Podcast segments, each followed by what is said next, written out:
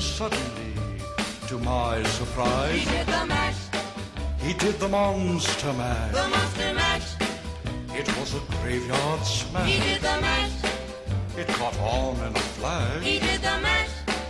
He did the monster mash. From my laboratory in the castle east to the master bedroom where the vampire... Hej och välkomna till Monsterpodden! Idag ska vi prata om monster.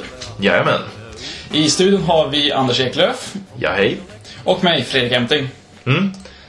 Ja, vi har ju kommit på en liten podcast-idé här då som eh, handlar om eh, monster, om ni inte förstod det innan. av, Eh, av, av, av titeln och eh, det vi precis sa. eh, så det är en podcast som kommer gå ut på att vi varje vecka eller varannan vecka, vi får se lite hur utgivningen kommer se ut. Ja, Eh, och eh, där vi varje vecka pratar om twistmonster eller monster inom en viss kategori. Som till exempel sjödjur, dinosaurier och så vidare. Man pratar om, vi kommer att diskutera och försöka gå in så djupt vi kan på varje monster. varje monster. Eh, och eh, då undrar jag lite först då, eftersom det här är första avsnittet. Vem är du Fredrik? Ja, jag heter eh, Fredrik Emting, jag är eh, 24 år, eh, jobbar som illustratör, eh, är också serieentusiast och serietecknare sedan tidigare. Eh, och såklart så gillar jag också monster. Ja, ja. Ja men det, det gör jag med. Jag, är, jag heter Anders Eklöf och eh, också, eller jag fyller 24 väldigt snart, så jag är 23. Ehm, jag är en utbildad journalist, inget arbete just nu, men eh, det är sånt. Och eh, jag är också väldigt serieentusiastisk och sådär. Eller allmän nörd av alla sorter. Och ja, jag gillar monster. Ja, Och vi har ju tidigare gjort en podcast tillsammans som heter Grustaget. Men det är en annan historia. det är det. Så, vilket är vårt första monster, Anders? Ja, vi börjar starkt den här gången. Det blir Frankensteins monster.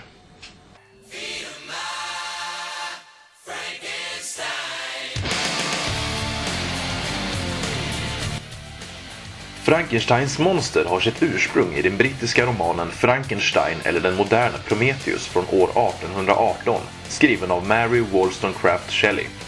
Många kritiker ser det som en av de första science fiction-romanerna någonsin. Boken handlar om den unge vetenskapsmannen Victor Frankenstein som skapar ett monster utav likdelar och väcker det till liv med hjälp av elektricitet. Efter ett tag överges monstret och det får försöka överleva själv ute i världen, som om det vore den första människan, genom att försöka sig förstå sig på jorden och dess element som kyla, värme, mörker och ljus. Dock misslyckas alla försök att närma sig andra människor då de flyr i rädsla när de får syn på honom. Han inser att det är på grund av hans frånstötande yttre. Efter några illdåd söker han upp sin skapare för att pressa honom att skapa en partner till honom. Victor Frankenstein går med på detta men förstör varelsen i sista stund eftersom han inte vill öka lidandet och ondskan i världen med fler monster. Efter en lång flykt och jakt dödar monstret Victor Frankenstein och försvinner till slut ut på ishavets mörka vidder efter att ha förstått att han snart ska dö. Mary Shelley fick inspiration till sin berättelse dels av sina resor i Tyskland och Schweiz men också genom att eh, hon tillsammans med sin blivande man och kollegor kom överens om att ha en tävling i vem som kunde skriva den bästa skräckhistorien. Efter några dagars tänkande hade Shelley en mardröm om en forskare som skapade liv och blev vettskrämd av sin skapelse. Vilket senare utvecklades till berättelsen vi känner till idag. Monster. Monster. Monstret. Monstret. Det är monstret. Monsterna. Monster. Monster. Monster. Monster. Men eh, ja, där fick vi höra lite information om det här. Och Frankensteins monster, eller Frankenstein som vissa säger. Som man alltid sa när man var liten. Ja, Då det det, många säger väl det fortfarande. Det är lite diskussioner kring det där. Alltså om man får säga det eller inte. För typ i många, vad jag läste, många så här första tidiga teateruppsättningar av Frankenstein-berättelsen eh, så kallade de den monstret liksom för Frankenstein och sådär. Och, Mm. och det, tydligen, det var tydligen okej ja, för Mm. Mary Shelley och så. Ja, och eh, många ser det som att på ett sätt så är monstret i boken son till Dr. Frankenstein och det är ett efternamn så på så sätt skulle ju man kunna se det som att monstret också ärver doktorns namn. Ja. Eh, I boken har han ju då inget eget namn. Han kallas väl för odjuret, monstret, saken. Adam tror jag han kallas ibland. Ja, jag tror, tror han kallar sig själv för, för Adam. Ja. Det är han säger, I am your Adam. Mm, det är väl någon så extra liksom, symbolik ibland all annan symbolik som vi ska komma in på. Men vad- vad, är ditt tidigaste minne för, av Frankensteins monster? Vad, vad, vad var din första bild av? Alltså det är otroligt svårt för jag, ju, jag såg ju inte filmen från 31 när jag var barn. Det tror jag inte liksom. någon, någon gjorde liksom. Nej, den har jag sett på mycket senare år. Mm. Eh, Men alltså det lär ju säkert vara någon så här Frankensteins monster i Scooby-Doo eller någonting som man Jo, men för det, för det, jag, jag minns väldigt specifikt, jag tror det var från... Eh, nu var inte det här första gången jag såg det, men jag minns från, från eh, eh, Janne Långben Mm. serien, vad den heter. Eh, så finns ett avsnitt där, där Frankensteins monster var med väldigt tydligt. Och det är det här med liksom skruvarna i halsen och den här gröna Jo. liksom stygnet i pannan. Eh, och det där han var ju väldigt, väldigt återkommande i just tecknad film minns jag. Liksom. Ja, det är det som är så sjukt att den har fastnat i populärkulturen så galet mycket. Alltså Mm. den, det är med i, det är svårt att liksom räkna hur... I stort sett allt har väl gjort pastischer på Ja, för jag kan inte tänka mig att så här, på Wik- Wikipedia-listan, eller på Wikipedia-sidan så lär det inte stå så här alla gånger som eh, den har varit med i populärkultur. För det skulle vara typ omöjligt för att det är så... Det är liksom verkligen etsat i vår Jag tror jag, läste att, populärkultur. jag tror jag läste att han har varit med i över 200 filmer. Det är sjukt. Och det är ju säkert så här, liksom, det finns så mycket filmer bara som är Frankenstein-filmer också. Ja. Och sen om man ska prata om allt det här andra som monstret inom situationstecknet är med liksom, för det är inte, det är ofta bara någon sorts hommage. Eller ja. Det, bara det, för att det har det är ju en så väldigt, viktig roll. väldigt sällan som de tar vara på liksom betydelsen av monstret i, ifrån boken. Mm. Där han var kanske mer mänsklig på många sätt. Medan i de eh, men, men filmpastischerna och, och eh, i allt tecknat man sett, då har han ju varit mer utav den här eh, hjärndöda zombien. Här, Jo, liksom. för nu, nu har inte jag läst boken, det har inte du heller. Nej, jag har Nej. läst mycket om boken. men jag har inte läst boken i sig. Men eh, den verkar ju vara väldigt bra om man så här jämför med hur liksom filmstoryn har blivit. I, ja, det är den som folk känner till. Ja. Den som eh, blev i den här då filmen från 31 eh, av Universal Studios med Boris Boris, Karloff. Då som, det är ju liksom bilden av Frankenstein folk har. Den här stora grejen som går runt i en kavaj eller vad det nu är. Skruvar i halsen och det här ansiktet som är så väldigt underligt. Och så går han runt och låter. Utsträckta armar. När, Ja. blev, när blev han grön? För. Ingen aning, det kan ju vara för det var ju en studio som hette Hammer Films eller sånt där. Ja, Hammer Studios. Som liksom gjorde de här Universal-monstren ett tag efter, typ på 70 eller 60-talet. Så började de liksom göra remakes av de här klassiska filmerna. Mm. Och där kanske han är grön. Det kan vara så alltså. Det kan ju varit Ja. Mm. tidigare också som de började köra han grön. Och jag minns också min, min eh, brorsa hade, han samlade på när han var liten, eh, jag vet inte om du känner till det, Monsters in my pocket. Det, är, Ja, det är inte på Nej, inte Pokémon. Det är inte Pocket Monsters, det är Monsters det är in my ju pocket. andra monster faktiskt. Det kanske man ska prata om. Absolut. Men, eh, för då minns jag, det var, det var som en massa små färgglada, fula jävla monstergubbar i som mjuk plast, typ gummi. Eh, och då minns jag att han hade så några, några Frankenstein-figurer som var verkligen den här typiska stora, burriga, gröna saker med utsträckta armar. Liksom.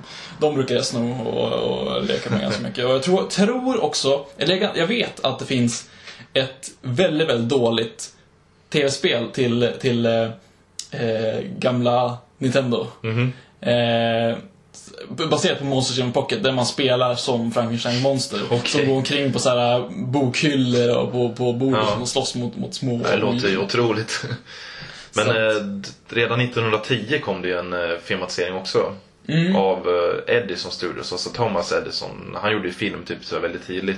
Han hade liksom Jävligt tidigt. Han hade en sån här filmstudio och grejer och var en av de första som började med Hur film. såg han ut där?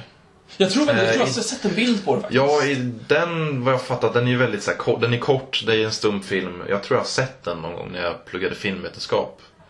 Eh, och då är han liksom, att han har långt krulligt hår om jag inte minns fel. Ja. Väldigt mer att hans kläder är trasiga, så det är absolut inte det här som har etsats fast i vår eh, Nej, kultur. verkligen inte. Jag tror Och det. den kanske följer storyn bättre också, Ja. vad jag vet. Jag, jag tror kanske att den här, för nu, nu när du nämner det så kommer jag jag kommer ihåg att jag sett en bild på den här riktigt gamla Frankenstein då. Och jag tror kanske att eh, James Rolfe har pratat om det i, i eh, Monster Madness som han Ja, kör James år. Rolfe, ja. Eh, Angry Angry, Video Game. Game-nörd, ja. ja. Han pratar ju också mycket om film, för han har ett väldigt stort, liksom, mycket B-filmsintresse har han.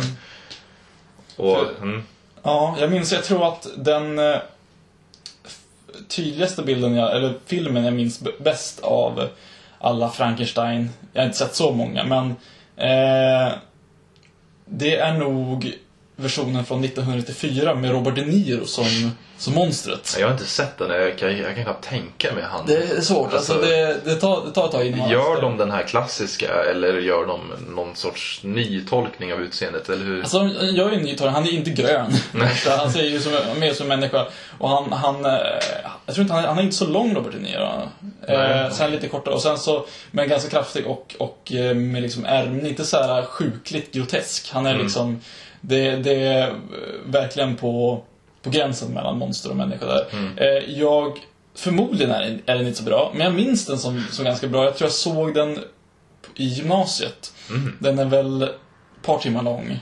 Eh, och jag minns det som att den följde boken väldigt bra. Att det var väldigt, väldigt tydligt gjort. All, alla större händelser, eh, inklusive inledningen, där, eh, där de hittar en sjökapten hittar monstret, nej Frankenstein, Ja, ute vid Nordpolen på en hundsläde. Mm. Eh, och all, alla de grejerna fanns med i, eh, i den filmen i alla fall. Ja, jag, jag tyckte det var bra då när jag såg den. För grejen med den här Universal-filmen är ju att eh, den kör ju någon väldigt så här, egen tolkning att professorn är väldigt så här, klassisk. Eh, han går runt i någon vit rock och de bor i någon jäkla slott liksom. Eh, Så här, och för att få, få liv i monstret så skickar de upp han i någon jäkla grej och, så att blixten kommer. Att Ja. I boken är det inte blixten liksom utan då använder han el på något annat sätt. Han för att- genererar sätt. Ja, precis. Och då, det är då den här scenen It's alive! Ja, den klassiska liksom. Mm. Som inte Och sen, boken. nej, och sen går han väl, sen är väl typ filmen att monstret drar. Så går han runt lite, han träffar en liten flicka och eh, typ kanske blir kompis med den, men sen kastar han den i floden, flickan. Mm. Och sen börjar typ folk i stan hata han. Och då kommer ju också den här andra klassiska grejen att folk springer runt med högafflar och facklor liksom och Ja. jagar monstret. Och sen minns jag inte vad den slutar med. Om, Ja. om han dör? Nej, jag Jag tror, jag tror att, eh, för det slutar ganska vagt. Det slutar väl liksom med att, med att monstret flyr och, och eh, Frankenstein, spoil, spoilers här. Eh, Frankenstein Har du inte sett en film från 31, då får du skylla dig har själv. inte läst en bok från 1818. Så. eh, nej men, eh, att monstret flyr och Frankenstein eh, följer efter honom till Nordpolen då. Mm. Och däremellan, liksom jakten har, ser man ingenting av. Den, den slutar återigen då med att eh, Victor Frankenstein dör på den här båten då vid Nordpolen. Ja, just det. Eh, jag, minns det som att i filmen jag såg så Istället för, för en liten flicka som var kompis med så mötte han en blind man som inte kunde, liksom, inte kunde se, inte kunde döma honom efter sitt, Ja, sitt just. uppsyn. Mm. Eh, och vart lite bundis med honom. Jag vet inte heller, minns inte riktigt vad som hände för han råkade döda den här mannen eller vad, vad som... Säkert. Det känns som att det brukar vara en så här viktig, viktig del i berättelsen. Att han ska nästan lyckas bli vän med någon, men det går inte. Och det är då han inser liksom att han är, att det är fel på honom. Ja. Monstret. Monstret. Monstret. Monstret. Monstret. Monstret. Monstret. Monstret. Monster. Vad har några andra så här favoritvarianter utav monstret? Så det är svårt att säga. Jag har inte sett jättemycket egentligen. Det är ju, jag har ju sett den, den här 31 då. Sen har jag väl sett, som sagt, det är massa olika populärkulturella inslag sådär. Men inget som jag kan tänka mig så här speciellt. Har du något? Eh, alltså det är ju såklart Boris Karloff, alltså till utseendet, alltså den, Mm. den bilden gillar jag på något sätt. Alltså det, det, är, det är en mäktig eh, avbildning och jag, jag blir osäker om, tror du att, att eh, Frankensteins monster hade haft samma eh, kulturella betydelse, populärkultur, kulturella betydelse idag utan den väldigt tydliga avbildningen av, alltså typ, Nej, jag tror inte det. Alltså hade han bara varit en så här ful, konstig man gjord av likdelar hade det inte blivit samma grej tror jag. Nej. Det hade inte fått den här ikoniska bilden av han. Den hade inte kunnat följt med. Den hade inte kunnat användas så enkelt som den gör nu, eller har görs, gjorts tidigare. om det hade varit så simpelt karaktär. Så här. Nu är det ju väldigt tydligt med, som sagt, muttrar och Ja. ansiktet och sådär. Jo.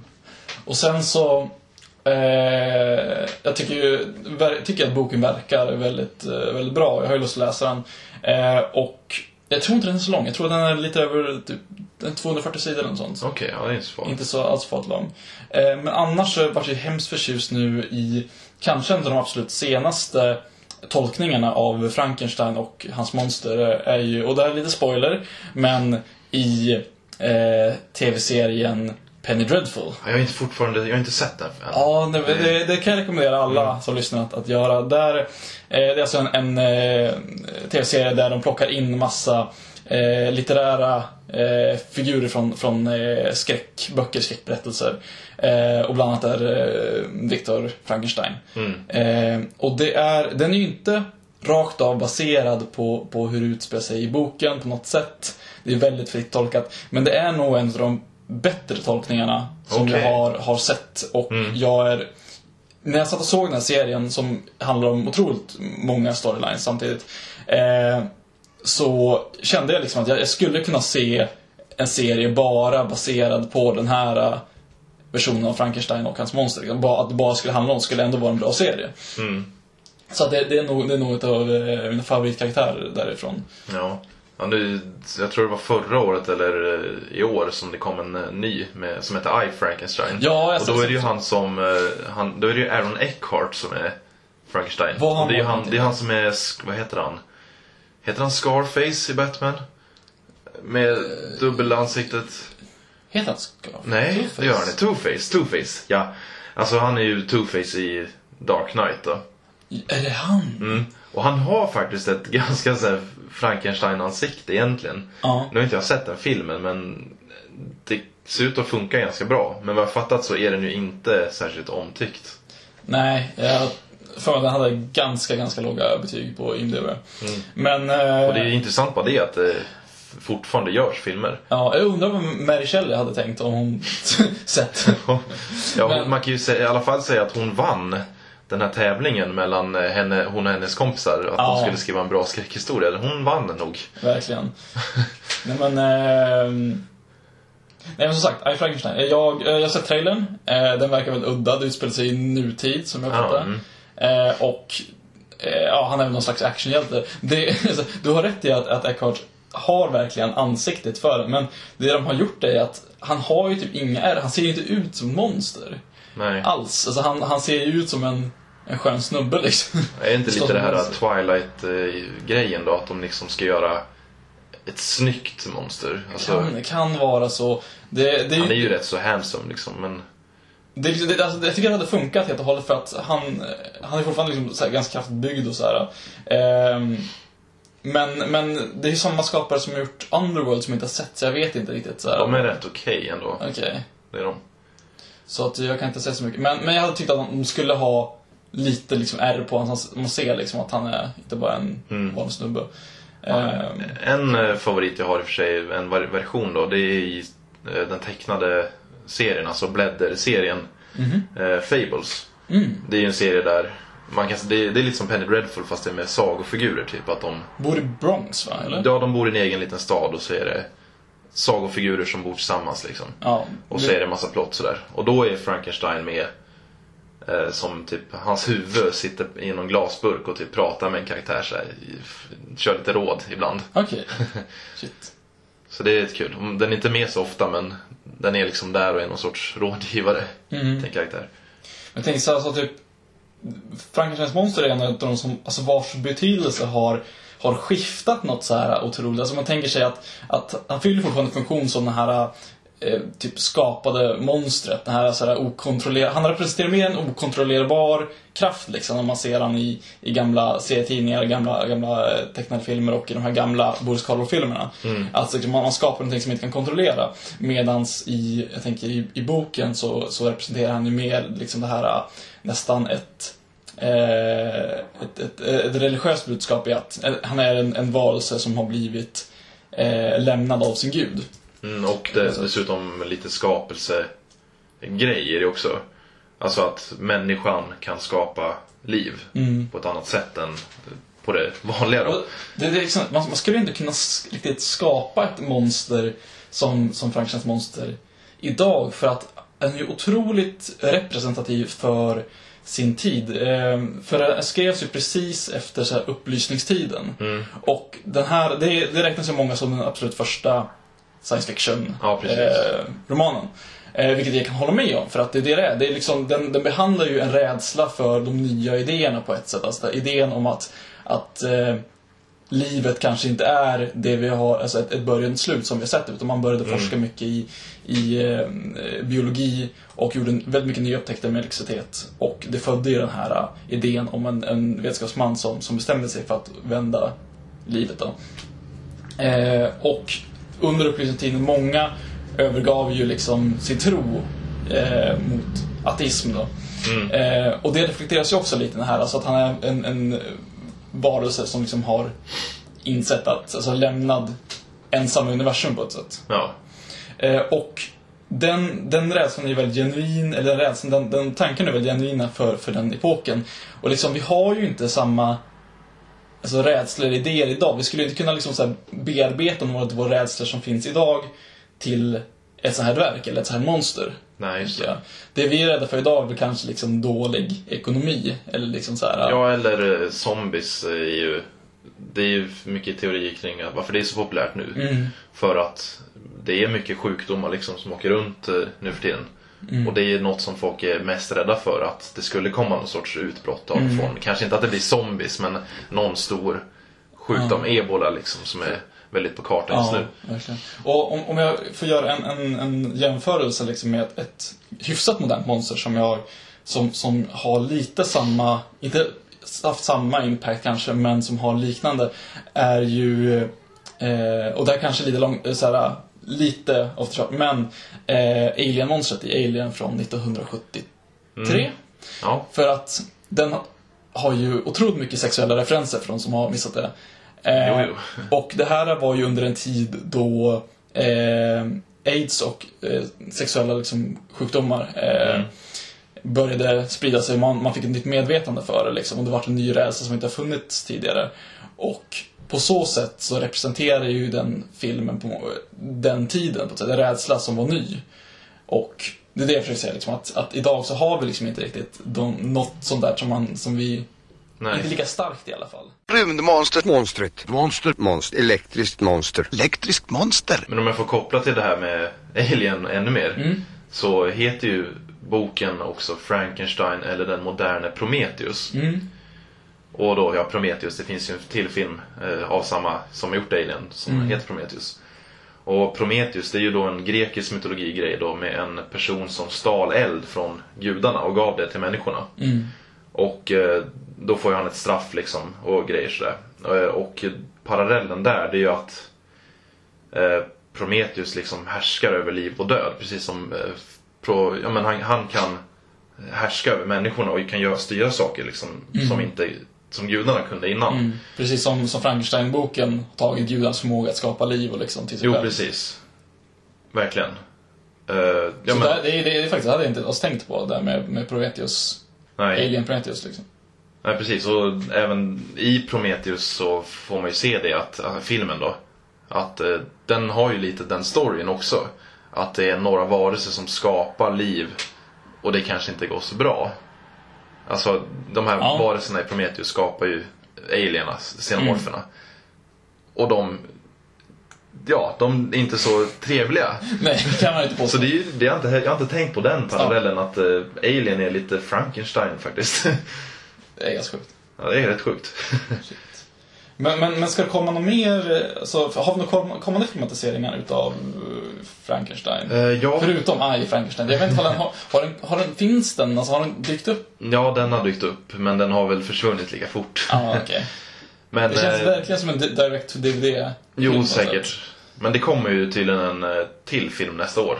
Ja, Som av eh. Paul McGugan, typ, heter han. Jag vet inte vem det är. Men där ska ju James McAvoy, som eh, man är känd från X-Men First Class, Mm. de filmerna. Han är professor Xavier. Och han kommer ju då vara Victor Frankenstein. Och eh, sen kommer Daniel Radcliffe, Harry Potter. Han kommer vara den här assistenten Igor som man känner igen från den klassiska filmen. Alltså han heter inte Igor där, han heter Fritz. Ja, just det. Men eh, ja, han heter Igor i liksom allt annat. Ja. Det är typ det man vet om den filmen. Alltså gud vad svårt jag tänker med Daniel Radcliffe som... Man- De kommer inte göra han liksom underlig utan Han han kommer ju bara vara en snygg Daniel Radcliffe som går runt och Tänk, hans... tänk om man går omkring och dreglar och har så hunchback eller en sån här kåpa. Det vore skitkul. Ja, det hoppas jag nästan. Men eh, det, det känns ju som att den skulle säkert också kunna vara att den ska utspela sig i nutid. Ja, det skulle kunna vara. Vet man någonting mer om det? Nej, alltså det är, man vet typ inget mer. Ja. Det är bara så att det ska komma en. Jag sitter bara och tänker säkert Daniel liksom, att det, det är lite nedköp liksom från Harry Potter till att vara en assistent. Liksom. Ja, jo.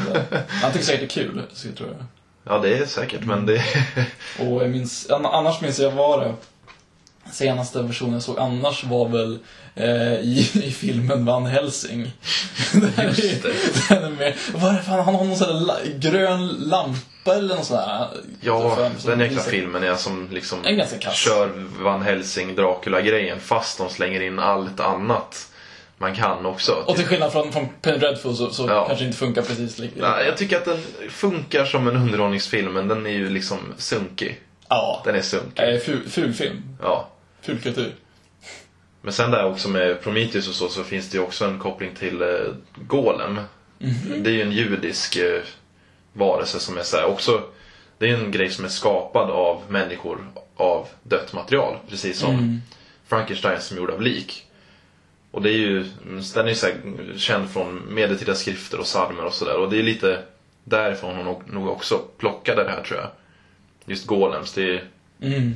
mycket sådana eh, mm, legender i. Att de, någon människa Ja. gjorde, Ja, jag- struntade i Gud, skapade en egen varelse Ja. och sen går det inte så bra kanske. Jag har hört talas om Golem väldigt mycket om den här judiska myten liksom, men jag har läst väldigt lite liksom faktiska utdrag från myten. Alltså jag, jag har inte lyckats hitta någon sån här typ, ja men så här står det i de, och de böckerna.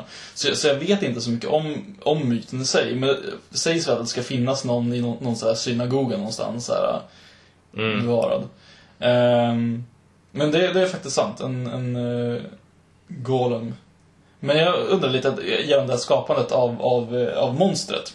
När han, han går och gräver upp sig gamla, eh, gamla gravar och Mm. liksom. Och han, det, är- ju speciellt för, alltså, i boken, att han tar inte bara människodelar, utan han tar också delar från, från djur. Jaha. Så här, det, Okej. det är blandat. Men jag tror, så här, jag, jag har inte läst någonting om att, han till yttre ska ha någon djurdelar. Utan jag det tror jag det är liksom organ och sånt. Men det, Det, det känns ett hjortben som Ja, men vänster typ så här, om, man, om man gjorde den tolkningen så skulle man ju kunna liksom läsa in att han har, att han så har en djurdel. Men det blir lite för absurt tror jag. Det är lite för, Jo. för komiskt liksom, den, den bilden. Men Men den här grejen med Golem, det är tydligen en legend som då ska vara sann. jaha. Det är tydligen någon, eh, alltså det är ju en sån här legend som är nedskriven men det var någon rabbin som enligt eh, någon skit, två, år 1580 så skapade han tydligen en golem av lera och fick den att leva och grejer.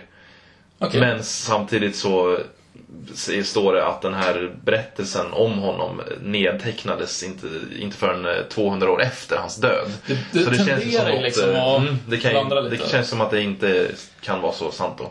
Kanske inte helt. Sällan inte det finns nå- några beskrivningar av hur han gjorde det riktigt. Det, Ja, det finns lite smått sådär men det, ja, det kan ju inte vara riktigt liksom. Om det inte är så att eh, verkligheten var annorlunda förr. Att det fanns monster och skit eh, en gång i tiden. precis. Vi skulle kunna ha ett eget avsnitt bara om Golem nästan. Mm. Och tydligen så ligger den här kvar i någon synagoga. Ja, Den här döda kroppen. Och... Säkert. spännande. Säkert. Men, men, men så här, varför var, var, var Frankenstein tvungen att ha massa olika delar? Alltså jag tänkte så här, kan han inte bara hittat en hyfsat färsk kropp och bara Ja. liksom, kört? Jag, jag, jag hörde dock också att, att eh, han medvetet nu, nu som sagt kan jag inte referera det här till boken, men jag hörde att, att han medvetet gjorde monstret väldigt stort. Liksom. Han gjorde en, en kraftig, just för att eh, venerna och artä- artärerna i kroppen skulle vara lätta att arbeta med. Liksom, just att. Mm. det skulle inte vara så pilligt. Liksom. det är en ganska intressant tanke. Liksom. Ja, det är ju intressant. Verkligen.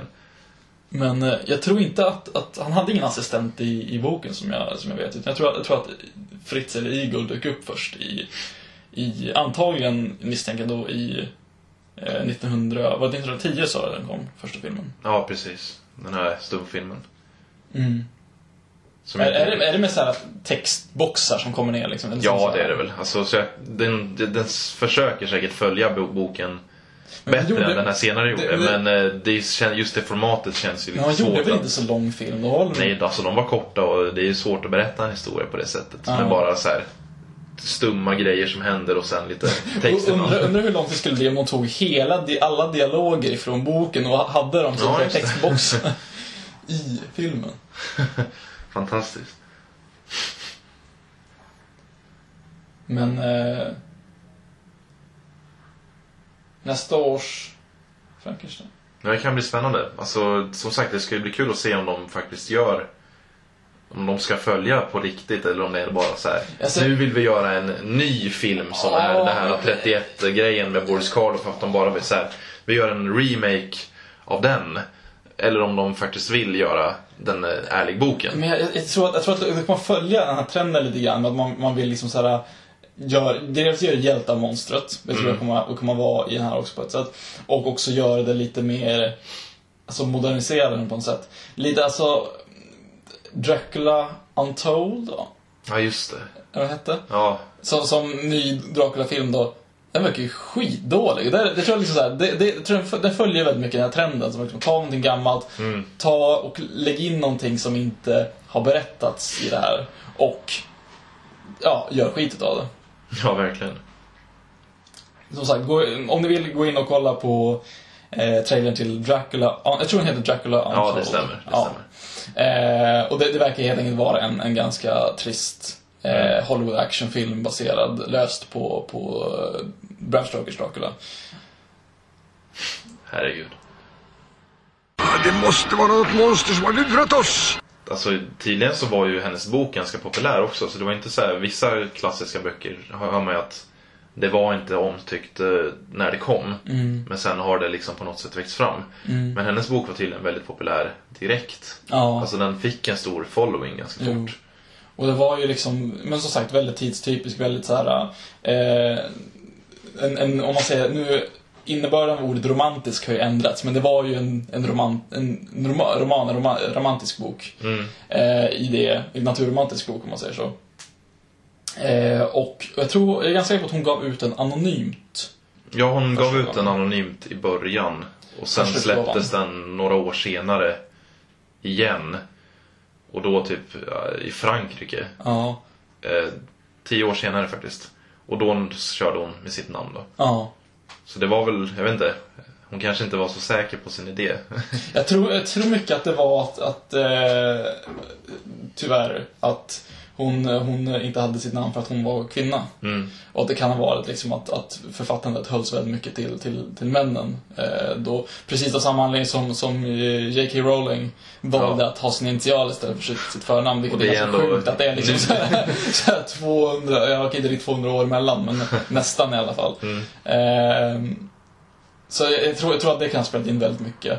Ehm, sen tror jag väl mycket att, att eh, hon kunde komma ut med, med sitt namn för att eh, Percy Shelley, hennes, hennes eh, man, var, eh, var känd författare och Mm. Ja, känd eh, poet. Eh, hela det gänget var ju, var ju rätt erkända poeter, både Lord Byron och, Mm. och Percy. Men sen tänker jag om man ska jämföra det här med Golem och Prometheus så, så tycker jag det, man kan nästan se någon tidig så här eh, robotgrej också.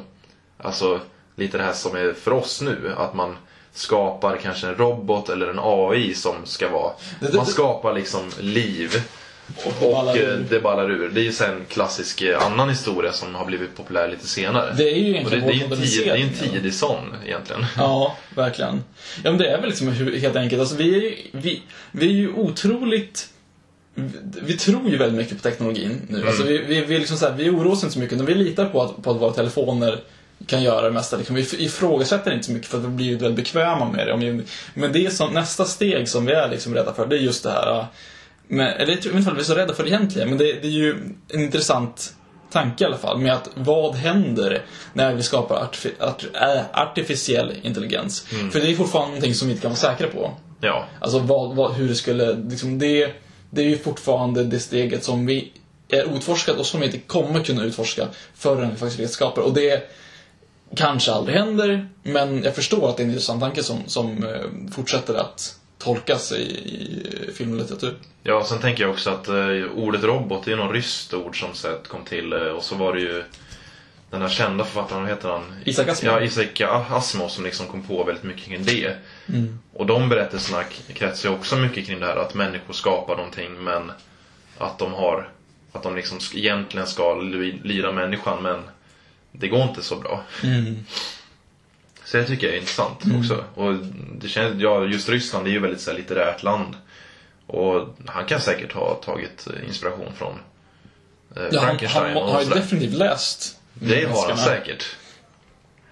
Tänk sen när gräsklipparrobotarna vet du börjar, börjar ta över. Nästa, De är ju överallt. nästa Frankenstein kanske han är en cyborg. Eller, Eller en, robot. eller en gräsklippsrobot.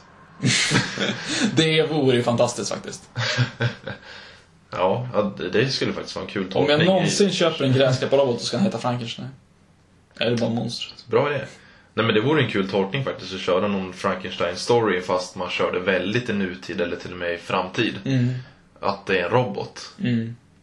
Det, är- det är ganska absurt ändå när man tänker på just det här med, med Dr. Frankenstein, vad han försökte åstadkomma och liksom vad vi kan göra rent medicinärt idag. Just det här med att på den tiden var det verkligen helt nytt och idag så ser vi liksom transplanterade organ som någonting rel relativt vanligt. Eller typ såhär, vi, vi ifrågasätter inte, men det, det man har gjort när man transplanterar organ är ju helt enkelt att ta liksom en, en död del av en annan människa och satt fast det på en annan. Och det är ingenting vi, vi tänker så mycket på egentligen. Nej, alltså så här, hjärttransplantationer är ju ganska sjukt egentligen. Det är ju väldigt så här, något man inte förstår sig på. Ja. Precis som teknologi. Ja, och transplantation har väl också så rört sig när det var nytt och det var mycket etiska frågor kring det där liksom huruvida typ, det är mycket regler kring att man, man inte får veta vems vem, vem delen kommer vem organet kommer ifrån man får en transplantation och Ja, det, det. håll, det hålls väldigt hemligt eh, just av, av några etiska skäl och så. Mm. Eh, så att, och elektricitet är någonting vi tar väldigt, väldigt för givet och det använder vi ju liksom till allt. Ja, verkligen. Eh, I stort sett. Och just att vi, vi kan liksom, vi kan tömma en människa på, på blod och hålla kroppen vid liv genom att kyla ner den. Mm. Och, typ så här, och köra in nytt blod i, i en mänsklig kropp. Och det är någonting som, som, ja, som, som, som går att göra idag. Och det är liksom, ser man på, på eh, Dr. Frankenstein och, liksom, och de idéer som, som eh, boken rör så är det ganska mycket som, som vi eh, ja, faktiskt liksom så här, använder idag. Liksom. Mm. Och jag vet att det finns ju om, om eh, en nästan, ska jag kalla det för, för verklighetens Frankenstein. Och nu skulle jag egentligen ha kollat upp namnet på den här eh, personen. Men det var alltså en... en Maila in och berätta för oss. Gör det. Eh, en rysk vetenskapsman. Jag tror det här var under, under eh, kalla kriget. Ganska tidigt. Eh, som, eh, jag tror till och med han kanske lever idag. Eh, ja, i alla fall en vetenskapsman som, som gjorde transplantationer på, på djur i experimentellt syfte. Eh, han gjorde bland annat eh, att han transplanterade fast ett, ett huvud, ett hundhuvud på en, en annan hund, så det alltså var en som hölls vid liv. Jaha. Med hjälp av eh, blodcirkulationen från liksom värdhunden om man säger så. Mm. Eh, han lyckades också eh, helt bara med hjälp av maskiner hålla ett, ett eh, eh, kapat eh, aphuvud vid liv. Att de kunde liksom registrera mätningar från att, att hjärnan var aktiv under det här liksom, och det syret och blodet så här, tillsattes med hjälp av, av maskiner. Eh, det här är självklart fullkomligt vidriga experiment. Eh, men det, det är ju liksom verkligen någonting som det känns väldigt mycket som, som, som någonting som Dr. Frankenstein skulle göra. Det är liksom lite samma grej. Om man tänker liksom, det, det liksom blir ju inte verkligt först när man, för man läser om det här. Och jag tror till och med det finns videoklipp, svartvita videoklipp på delar av de här experimenten. Fantastiskt, det måste jag titta. Eh, ja, eh, jag varnar dock känsliga. Om ni vill gå in och kolla så finns det vissa eh, klipp. Men, eh, men så jag varnar känsliga tittare så. Jag tänkte att vi skulle gå in på det här med namnet Frankenstein också. Mhm. Eh, som vi nämnde lite kort då, men eh, det här att det har blivit liksom att folk kallar monstret för Frankenstein.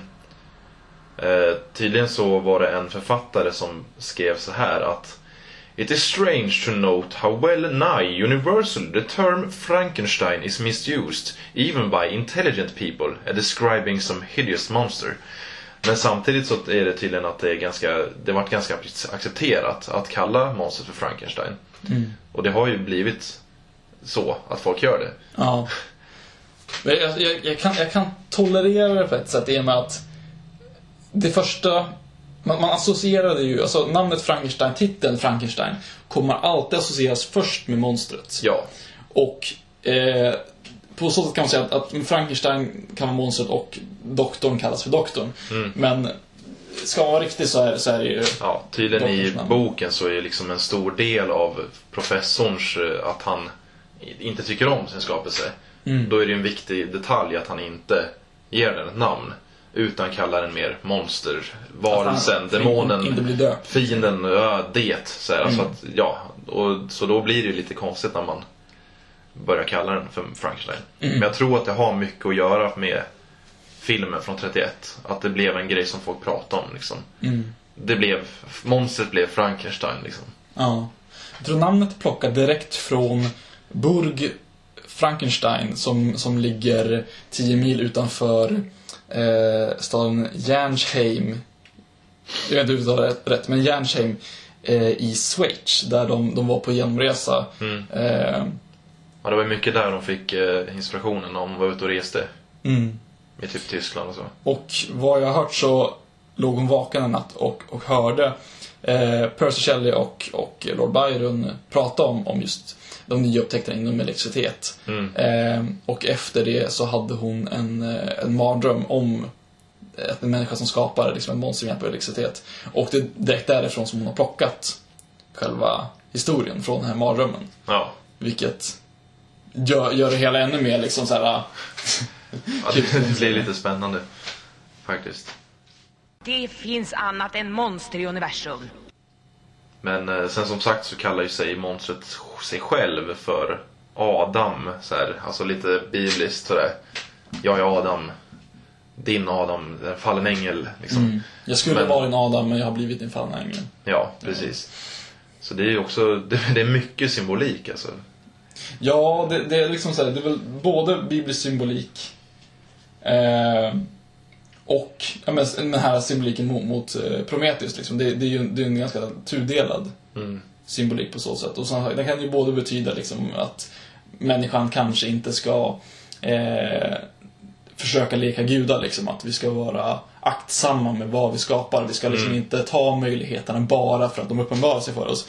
Men samtidigt i boken så eh, i slutet av boken, spoiler alert, så eh, säger ju eh, ja, all, alla på det här skeppet, de, de, han heter Frankenstein, han är på ett skepp, eh, så vill ju alla vända om för att de kommer att dö. Jag vet inte riktigt hur det här eh, idén om att alla på skeppet kommer att dö uppdagar sig. Men eh, de, de säger åt kaptenen att vi ska vända om, vi ska inte eh, göra klart den här explosionen.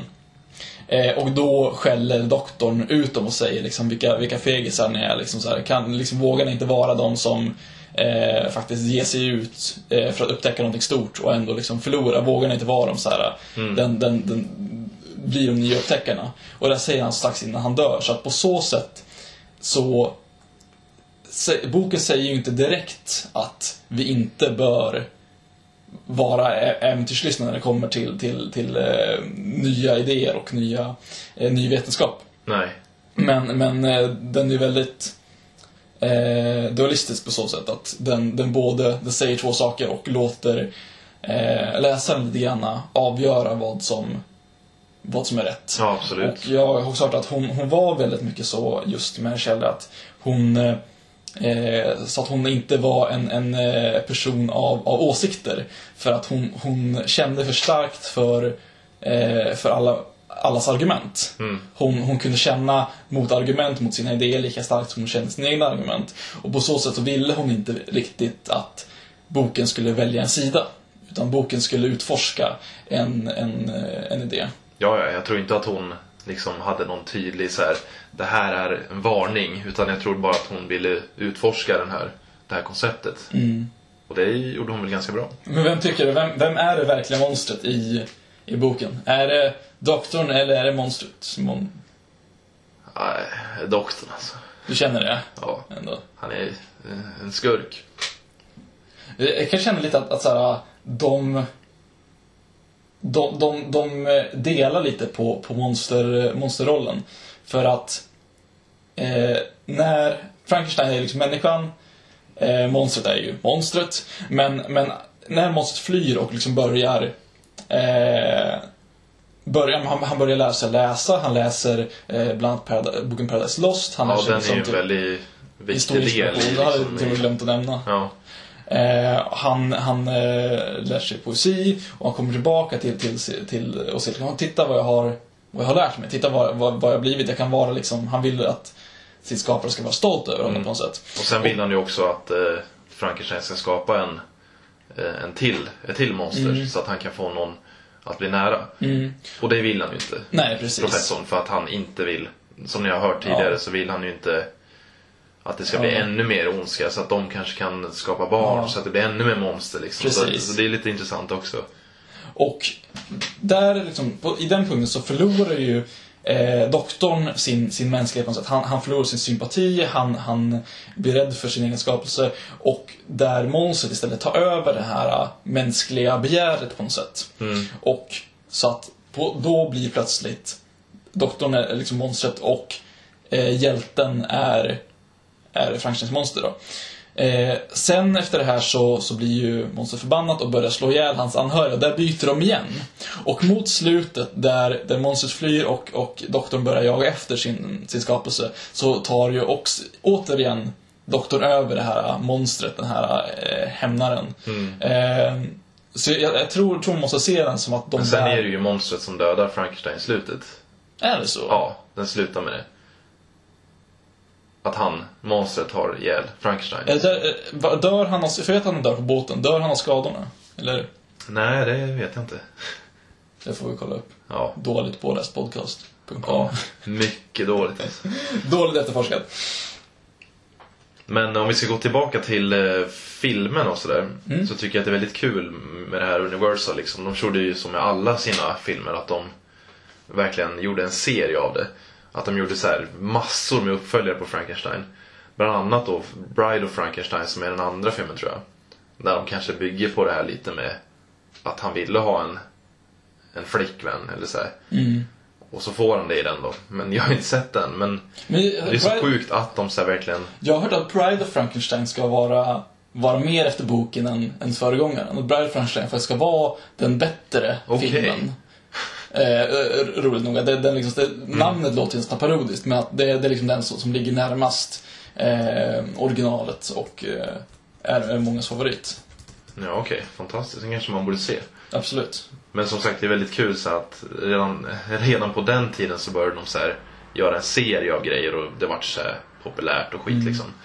Kommer vi, kommer vi se en ny våg av, av de här klassiska filmmonstren? För det verkar gå lite, lite i vågor de här. Ja, ty, jag har hört att eh, Universal håller på att de ska liksom försöka göra någon sorts Mm. reboot av sina klassiska monster. Men jag vet inte om det kommer funka alltså. Mhm. Men det känns så här, det, det, är, det är ju väldigt tidstypiskt de filmerna.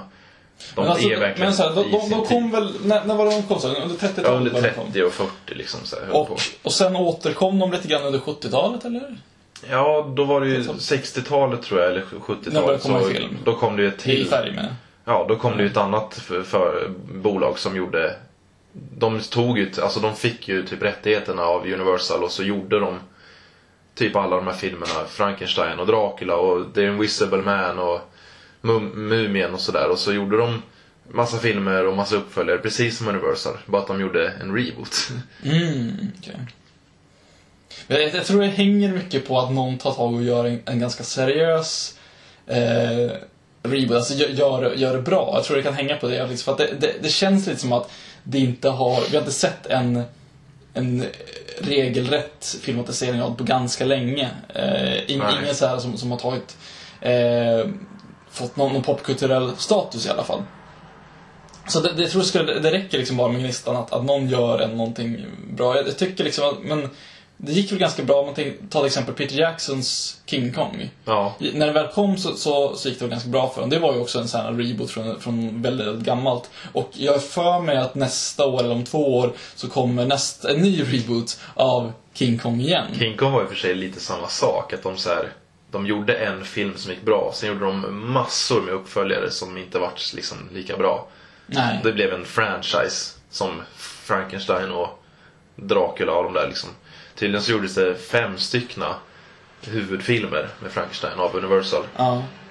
Eh, Bride of Frankenstein låter som tvåan. Eh, Son, Son of Frankenstein. Han får till en son då. Eh, The Ghost of Frankenstein. Och femte Frankenstein meets the Wolfman. Och sen finns det House of Frankenstein. Där typ Dracula är med. Och sen House of Dracula. Där ja, han också är med. Och sen bara fortsätter det. Och sen finns det ju resten liksom, alla andra filmer. Och just det, Tim Burton har gjort eh, sin egen tolkning. Jaha, Frankenweenie. just ja, om hunden. Ja, då är det istället modern amerikansk pojke som gör en hund. Han eh, försöker få, sitt li- få liv i sin döda hund. Och så lyckas han med det. Ja. Och då är det väl också lite det här att, är det rätt? Men det är ju ganska gullig film. Det är jättegulligt. Det, det är inte, kanske inte så mycket inte, inte, inte så mycket konsekvenser. Det är inte som att hunden Alltså, han dödar, gjorde- dödar hans Han gjorde ju en tidig film, 84 En kortfilm, ja. Mm, Nej, den tycker jag är rätt mörk liksom. Den har inte jag sett. Ja, den är ju mer så här mörk. Mm. Den här animerade som kom 2012, den är ju verkligen så här tecknad, rolig film. vet att han upp, att han har en uppföljare? Frankie Weenie Goes to the Moon eller? Är det, är det sant? Ja. Nej, gud vad vidrigt. Jag har, inte, jag har inte sett den här, men jag vet att den existerar. Det känns som att det har de totalt lämnat. Usch. Skulle du kunna tänka dig eh, Frankenstein Goes to the Moon? Jag vill se det här. Jag önskar att en film från typ eh, 50-talet, eh, att det fanns en sån film. Mm. Det hade varit amazing. Tänk dig. Om du hade en tidsmaskin kunde vi resa tillbaka till, eh, till 50-talet och be, åh vad heter han? Ed Wood. Mm. Göra Frankenstein Goes to the Moon. Och sen de här eh, Hammer då som gjorde ännu fler filmer. Mm. På eh, 50 till 70-tiden liksom. De gjorde sju stycken Frankenstein-filmer. Mm.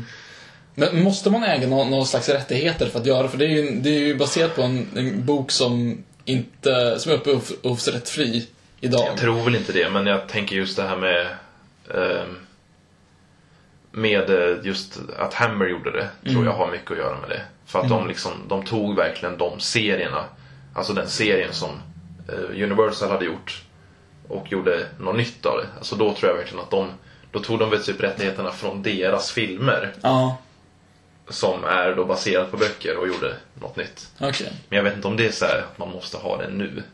Alltså om till exempel den här 2014-filmen, om de, om de behöver ha några rättigheter. Alltså i och för sig, om, de, om det är så att den är baserad på den klassiska filmen så kanske de... Jag vet inte. Kan bli sant. Vem, vem, vem sa du igen skulle spela, visste vem som skulle spela monstret i kommande? Det vet man inte än. Det, man vet bara som sagt eh, professorn och eh, Igor. Om du fick drömma, om du fick önska. Önske... Eh, ja, det skulle nog vara, vad heter han? Han som spelar Gollum. Ja, Det ska ju vara en sån här CGI eh, mon, monster liksom. jag, jag tror bara att de, de kommer bara köpa in ehm, eh, Hulken eh, från den, den animerade, filerna till den animerade eh, Hulken från Avengers. Så kommer de bara lägga ett så här ärr i pannan på honom och skruva det, så kommer de köra samma grej där. Ja. Vore det inte fint om Evan McGregor fick spela monstret? Okej. Ja, ja. Nej men vem, vem skulle kunna tänka dig? Har vi någon, någon Nej, men jag är rätt seriös. Det skulle typ funka om han... Om han liksom... Vad fan Men heter vill han? vi ha ett CGI-monster? Ja, men han är bra på CGI-monster. Vad han nu heter. Men det, det känns ju som att alltså, om, man vill, om man nu vill göra en, en film där, där monstret har någon slags mänskliga aspekter, då är det väl ganska dumt att dat- dataanimera honom. I och för sig Andy så... Serkis heter han. En circus, Ja. Fast i och för sig, Gollum i, i, i alla fall i, i första eh, Hobbit-filmen är ju amazing faktiskt, får jag säga. Ja, ja. Så att, i och för sig. Men jag känner det här stora eh, monstret att... Jag jag är svårt att tänka mig honom som, som, eh, som animerad faktiskt. Jag vill ha Seth Rogen. Vem är det? Han är någon sån här tjock... eh, Eller tjock, Ja, men just så här, ja. ja. Ja, Det var ett eh, skämtförslag då, men... Arnold. Tänk! Vad amazing! Va? Ra, I will kill you, Frankenstein. Det vore ju sjukt kul. Åh, amazing. Ja, jag går fortfarande och väntar på, um, på nya konan. Mm. Det kan man bli Ja. amazing. Vi kanske borde göra ett avsnitt om Arnold, för han är ju ändå ett monster, tycker jag. Ett politiskt monster. precis. Ja, bra sagt. Bra tänkt. Hon har ju armar och ben och pratar normalt. Det gör väl inte monster inte? Vi får väl se när vi slår ner henne. Men jag tror att vi är ganska nöjda med Frankenstein faktiskt. Och nästa vecka kommer vi tillbaka, eller om två veckor, vi får se lite hur det blir. Mm. Kommer vi tillbaka med ett eh, hittills eh, okänt. Det blir spännande, ni får se Mm. vad det blir. Så eh, lyssna nästa gång på Monsterpodden. Då kommer vi prata om monster. Ja, vill ni höra av er till oss? Kanske någon idé vad vi ska prata om för monster? Eller någon kritik till det här avsnittet eller vad som helst. Om ni kanske till och med vill säga att det här var jättebra så kan ni mejla till eh, monsterpodden at gmail.com och säga något. Det var kul. Gör det. Men med det så får vi tacka för oss. Och eh, tack för att ni har lyssnat. Så hörs vi nästa gång. Ja, hej då.